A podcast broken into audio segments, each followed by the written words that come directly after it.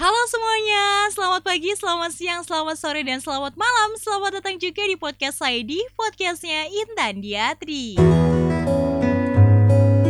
Gimana teman-teman kabarnya di kesempatan hari ini? Kapan pun teman-teman dengerin podcast ID Semoga bisa bermanfaat ya untuk teman-teman semua. Dan terima kasih juga buat teman-teman yang masih tetap stay tune Dan selalu dengerin podcast ID Semoga informasi yang kita berikan di podcast ID Di episode-episodenya kemarin dan yang akan datang Akan terus bermanfaat untuk teman-teman semuanya di episode kali ini teman-teman Intan juga nggak sendirian karena Intan bakalan ngajak ngobrol Kak Indria walaupun via phone gitu ya. Tapi tetap tetap kita akan mendapatkan uh, informasi yang bermanfaat tentunya dari Kak Indria juga dan sebelumnya cerita sedikit tentang aku dan juga Kak Indria. Jadi awal kita ketemu tuh sebenarnya kita bertemu baru di tahun lalu dan itu baru bener-bener pertama kali ketemu dan sampai sekarang belum ketemu lagi gitu ya. Tapi alhamdulillahnya memang kita saling berkomunikasi awalnya via DM ya. Dan akhirnya suka banget sama Kak Indria karena Kak Indria juga kayak selalu support aku gitu untuk terus berkarir, untuk terus berkarya gitu ya. Dan ketemu itu juga waktu Kak Indria jadi MC di gala premier Bumi Manusia dan akhirnya di situ tuh aku tahu bahwa sosok Indria ini adalah seorang presenter news Indosiar fokus daerah Yogyakarta. Jadi selain jadi news presenter, Kak Indria ini juga seorang profesional MC dan Kak Indria juga jadi trainer serta Kak Indria juga jadi youtubers. Wow jadi berkarya banget nggak sih Kak Indria ini? Jadi sangat salut banget sama Kak Indria yang walaupun sibuknya seperti itu tapi Kak Indria tetap ingin uh, berkarir gitu ya ingin terus berkarya melalui channel YouTube-nya di Instastory. Teman-teman bisa langsung cek di sana ya. Di episode kali ini teman-teman kita akan membahas tentang presenter news. Jadi bakalan aku ngajak ngobrol Kak Indria via uh, phone gitu ya. Dan di kesempatan hari ini juga Kak Indria akan menceritakan perjalanan Kak Indria mulai dari awal sampai akhirnya Kak Indria bisa menjadi presenter news di Fokus Indosiar daerah Yogyakarta. Kita langsung tersambung aja sama Kak Indria Sastrotomo. Halo, Assalamualaikum. Waalaikumsalam. Kak Indria gimana kabarnya? Kabar baik? Oke, ini sibuk di rumah aja nih.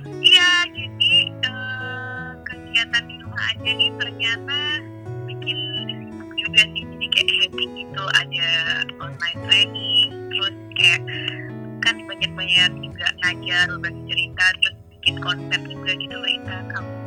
Oh gitu. Terus lagi masak. Oke. Ngurusin suami ya tanggung jawab ya. Ya, jadi kayak uh, seru sih tapi udah nggak on air lagi berarti kak? Kalau on air sih sementara untuk yang di uh, Biro Jogja itu off dulu ya karena kan untuk meminimalisir penyebaran COVID-19 ini toh. Iya. Yang di jalan. Jadi uh, kayak uh, koresponden dari daerah itu langsung kirim CV-nya ke kantor pusat. Mhm. Terus di kantor pusat pun juga kayak yang uh, ada dibagi dua tim gitu loh, tim A, tim B. Jadi kayak oke masuk tiga hari terus libur tiga hari. Jadi itu antara tim A sama tim B gitu sih pembagiannya.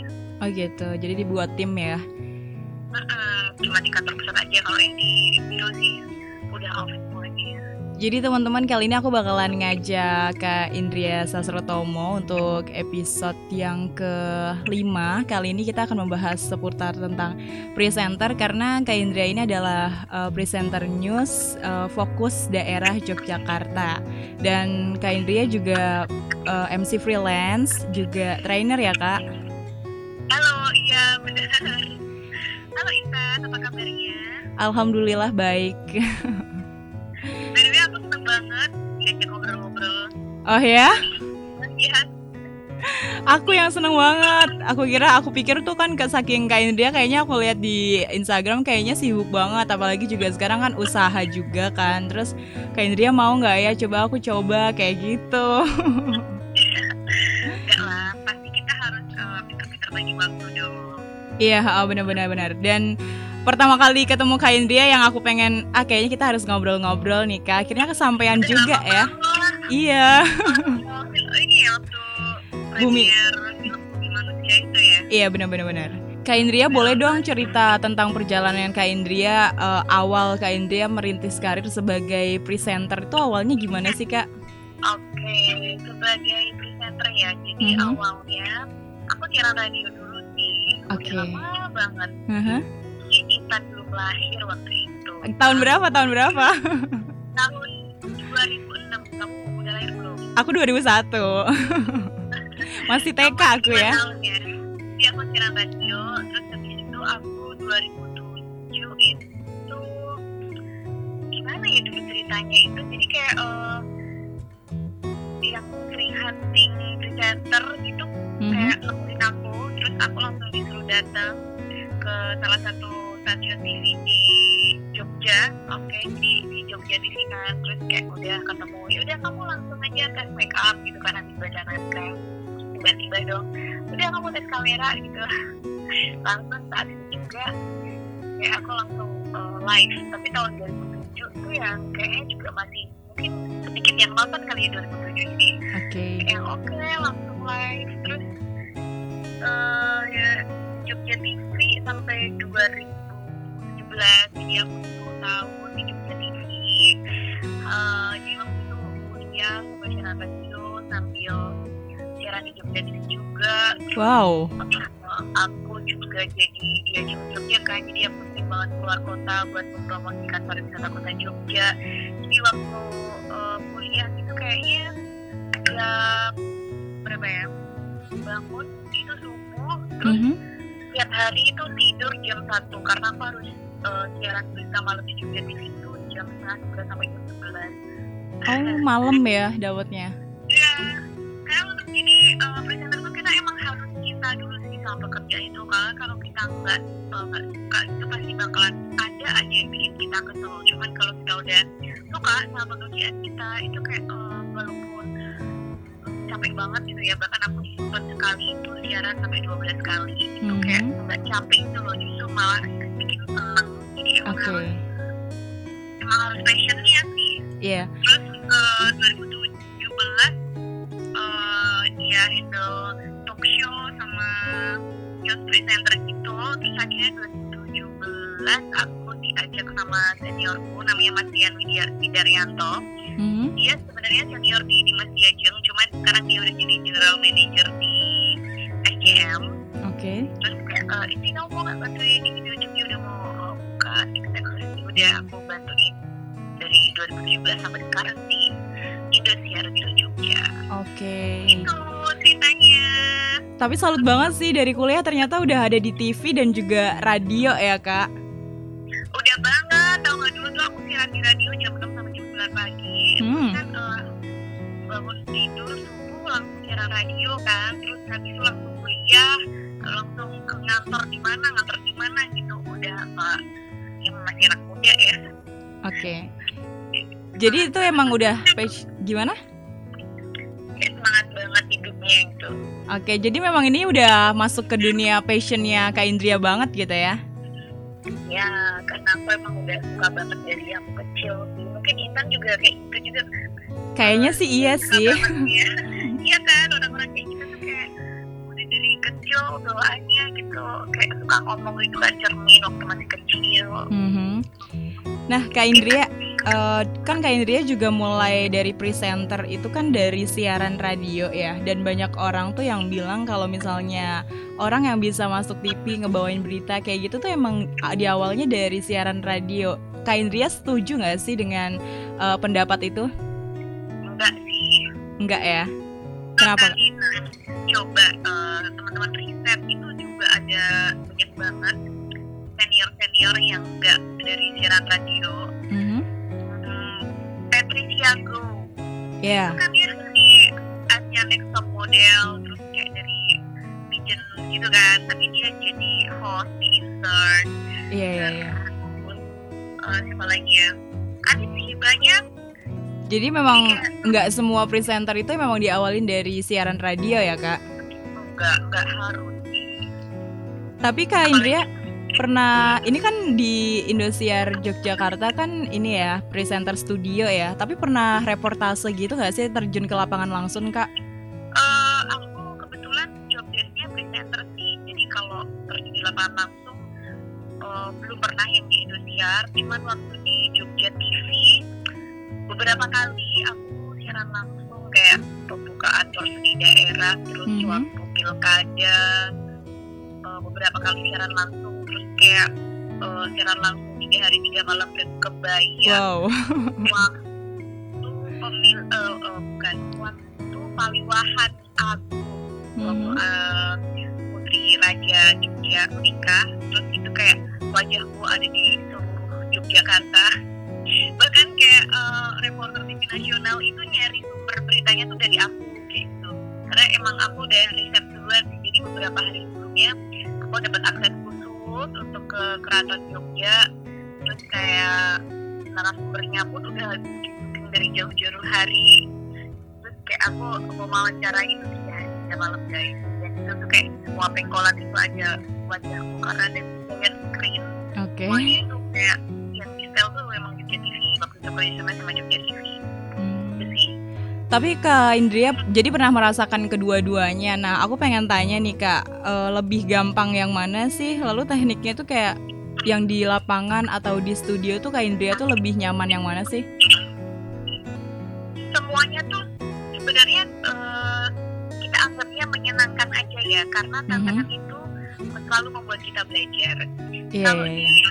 studio eh, kalau di presenter itu kan kita tinggal kan Iya. ya jadi diambil tinggal kita eh, menghayati aja masuk ke dalam ceritanya itu kemudian kita juga menyampaikannya juga dengan cara storytelling agar kita eh, kayak berbicara dengan teman kalau misalkan talk show kita juga seneng ya kalau talk show itu kayak setiap hari itu kita dapat kenalan baru Iya, orang Relasi ya, Kak? baru.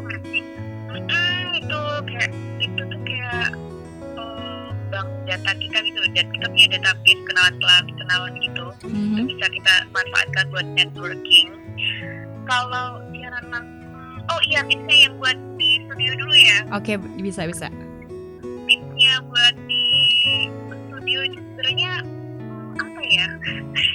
Kayaknya menyenangkan menyenangkan aja. Ya udah kayak gitu. Tinggal misalkan kita mau uh, siaran berita itu kita uh, baca dulu kan sama leadnya Iya. semuanya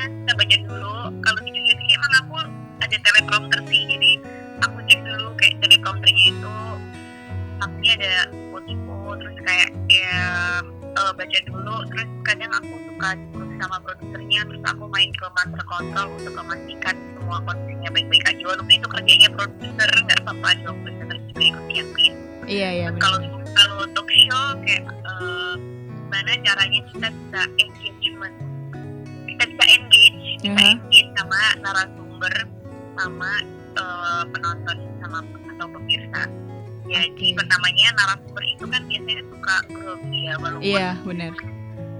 eh, profesor-profesor karena mereka kan siaran langsung itu kayak grogi banget loh jadi aku kayak harus menenangkan mereka dulu dengan ice speaking kayak gitu-gitu terus aku ajak bercandaan sampai akhirnya mereka tuh kayak mengalir ceritanya nggak kerasa kayak di wawancara jadi kayak kerasanya Ngobrol ya. ngobrol aja Iya. terus aku menenangkan diri eh Bapak, Ibu, kita tuh gak ada yang nonton, itu cuma kamera doang, anggap aja tuh kita ngobrol sama siapa gitu gitu sih jadi tantangannya kalau yang talk show lebih ke engage sama Narsum.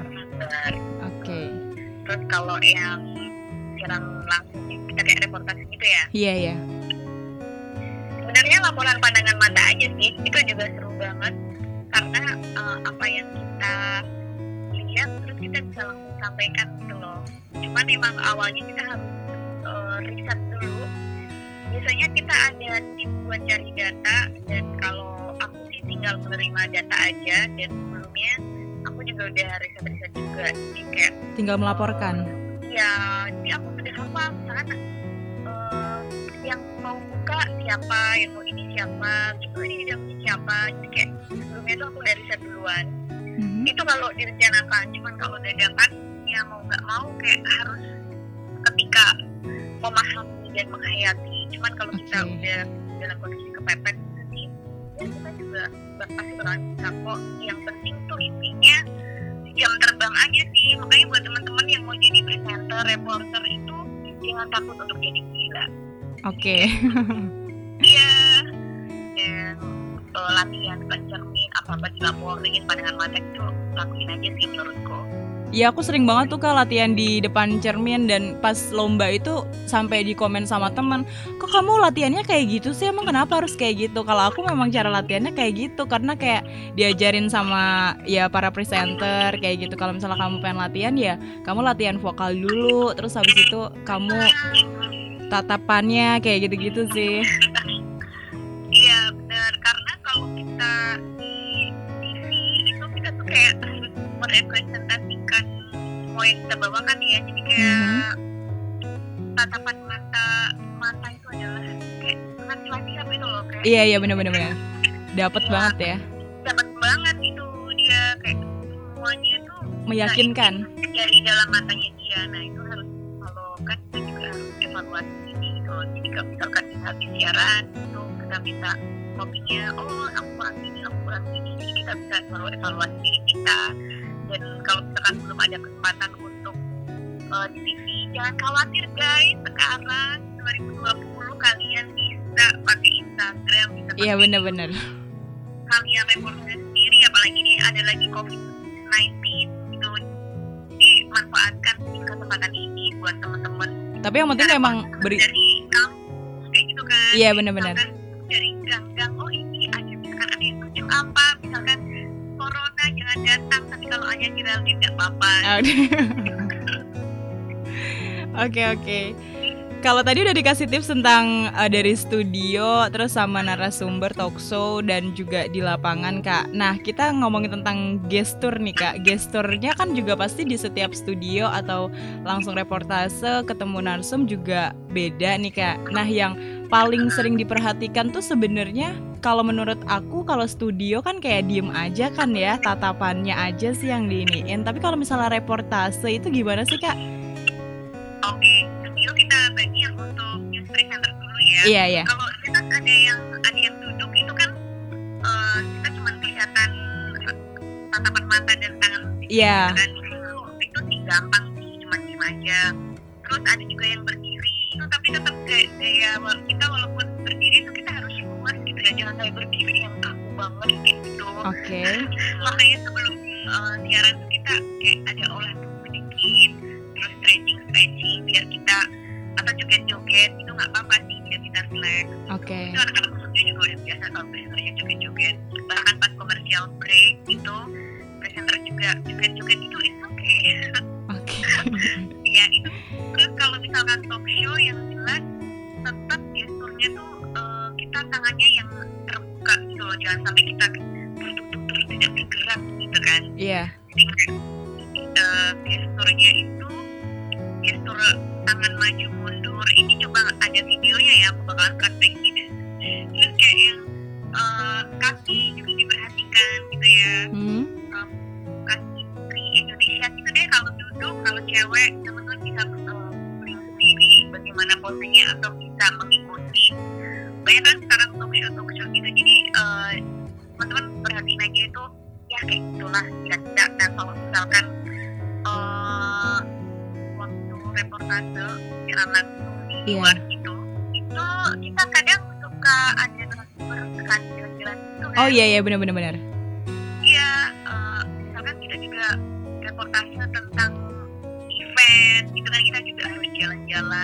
Ketemu artis-artis lah segala macam eh, melaporkan situasi kondisi, misalkan Prambanan Jazz gitu kan. Sering banget nih. Iya, eh, itu kita harus lebih eh, menyesuaikan acaranya ya. Kalau Iya. misalkan lebih ke anak muda, berarti kita pembawaannya harus cheerful. Terus kalau misalkan eh, cheerful tapi jangan berlebihan ya, kayak Mhm. dari gerakan-gerakan yang mungkin tidak tidak sebaiknya dilakukan, kayak misalkan gergar kepala. Terus mungkin kalau ada nervous sedikit juga it's okay, itu sangat manusiawi. Nervous sedikit bisa dihilangkan eh, jadi megang mic-nya itu bisa jadi, jadi salah satu cara agar kita tidak grogi tarik nafas dulu hembuskan terus senyum-senyum sendiri terus Mhm. pancarkan aura teman-teman Oke. Eh, nanti pasti gestur itu akan mengikuti aura teman-teman itu kalau acara kenegaraan berarti kita harus formal Iya. jangan eh, jangan yang cheerful misalkan ada siapa ya ada presiden Republik Indonesia jadi kita juga harus elegan membawakannya iya benar-benar tergantung situasi dan kondisinya terus kalau misalkan ada berita duka misalnya kita meliput uh, ibu dari presiden Republik Indonesia yang kemarin baru saja meninggal Iya. kita juga harus simpati eh sorry sorry harus empati iya iya benar-benar uh, kita harus uh, kayak bicaranya juga jangan cheerful tapi kita uh, matanya pun juga turun ya jangan iya terus kita jangan senyum-senyum juga gitu ini kan cerita sedih Iya. gitu. Oke. Kalau tadi udah dikasih tips nih Kak Indria, terakhir dong kita ngomongin tentang berita. Jadi kan berita tuh ada strength eh, pengucapannya ada strength dan juga features nih. Penyampaian presenter juga beda kan Kak? Apakah dalam eh, peng- pengucapan dari presenter itu tuh perbedaan katanya juga berbeda Kak? Iya, kalau yang strength itu kan kita lebih tegas gitu kan. Cuman Mhm. kalau feature kita kayak lebih uh, smiling voice-nya lebih ditambah lagi. Kayak misalkan uh, ini yang nyenengin berita apa sih sekarang ini kayaknya beritanya Sedih semua ya? Eh, sekarang ini yang nyenengin apa ya? Aktivitas di rumah. Jadi, halo pemirsa, aktivitas di rumah ini bisa kita manfaatkan dengan mengisi berbagai kegiatan positif. Di antaranya adalah kita bisa selalu mengembangkan diri kita untuk belajar online. Kayak yang lebih cheerful gitu loh. Kayak eh, smiling voice-nya terus lebih luas lagi kayak gitu terus jangan yang terlalu kaku kalau yang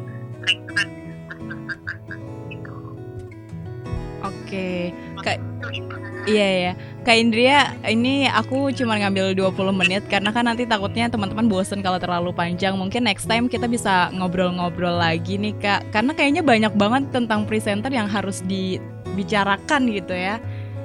banyak banyak Dan terakhir dong Kak Indria, apa yang pengen disampaikan untuk menginspirasi aku dan juga teman-teman podcast ID nih? Oke, teman-teman podcast ID, walaupun kita saat ini sedang ada pandemi COVID-19, tapi aku harap teman-teman eh, jangan patah semangat, yang jadi presenter tetap terus berlatih karena ini juga merupakan kesempatan teman-teman untuk punya waktu lebih banyak untuk berlatih dan juga berkarya. Tidak usah menunggu untuk melamar jadi presenter, teman-teman bikin portfolio dulu di platform sosmed yang teman-teman miliki bikin. Karya terbaik dan pastikan teman-teman keep growing gitu ya tetap tumbuh walaupun ada pandemi COVID-19 ini dan tetap semangat buat teman-teman semuanya untuk menggapai cita-cita yang di center. Oke, terima kasih Kak Indria. Sama-sama Isa. Sampai jumpa lagi ya Kak, kita ngobrol lagi ya. Oke, bye teman-teman podcast ID. Sampai ketemu lagi ya. Ya, Assalamualaikum. Waalaikumsalam warahmatullahi wabarakatuh.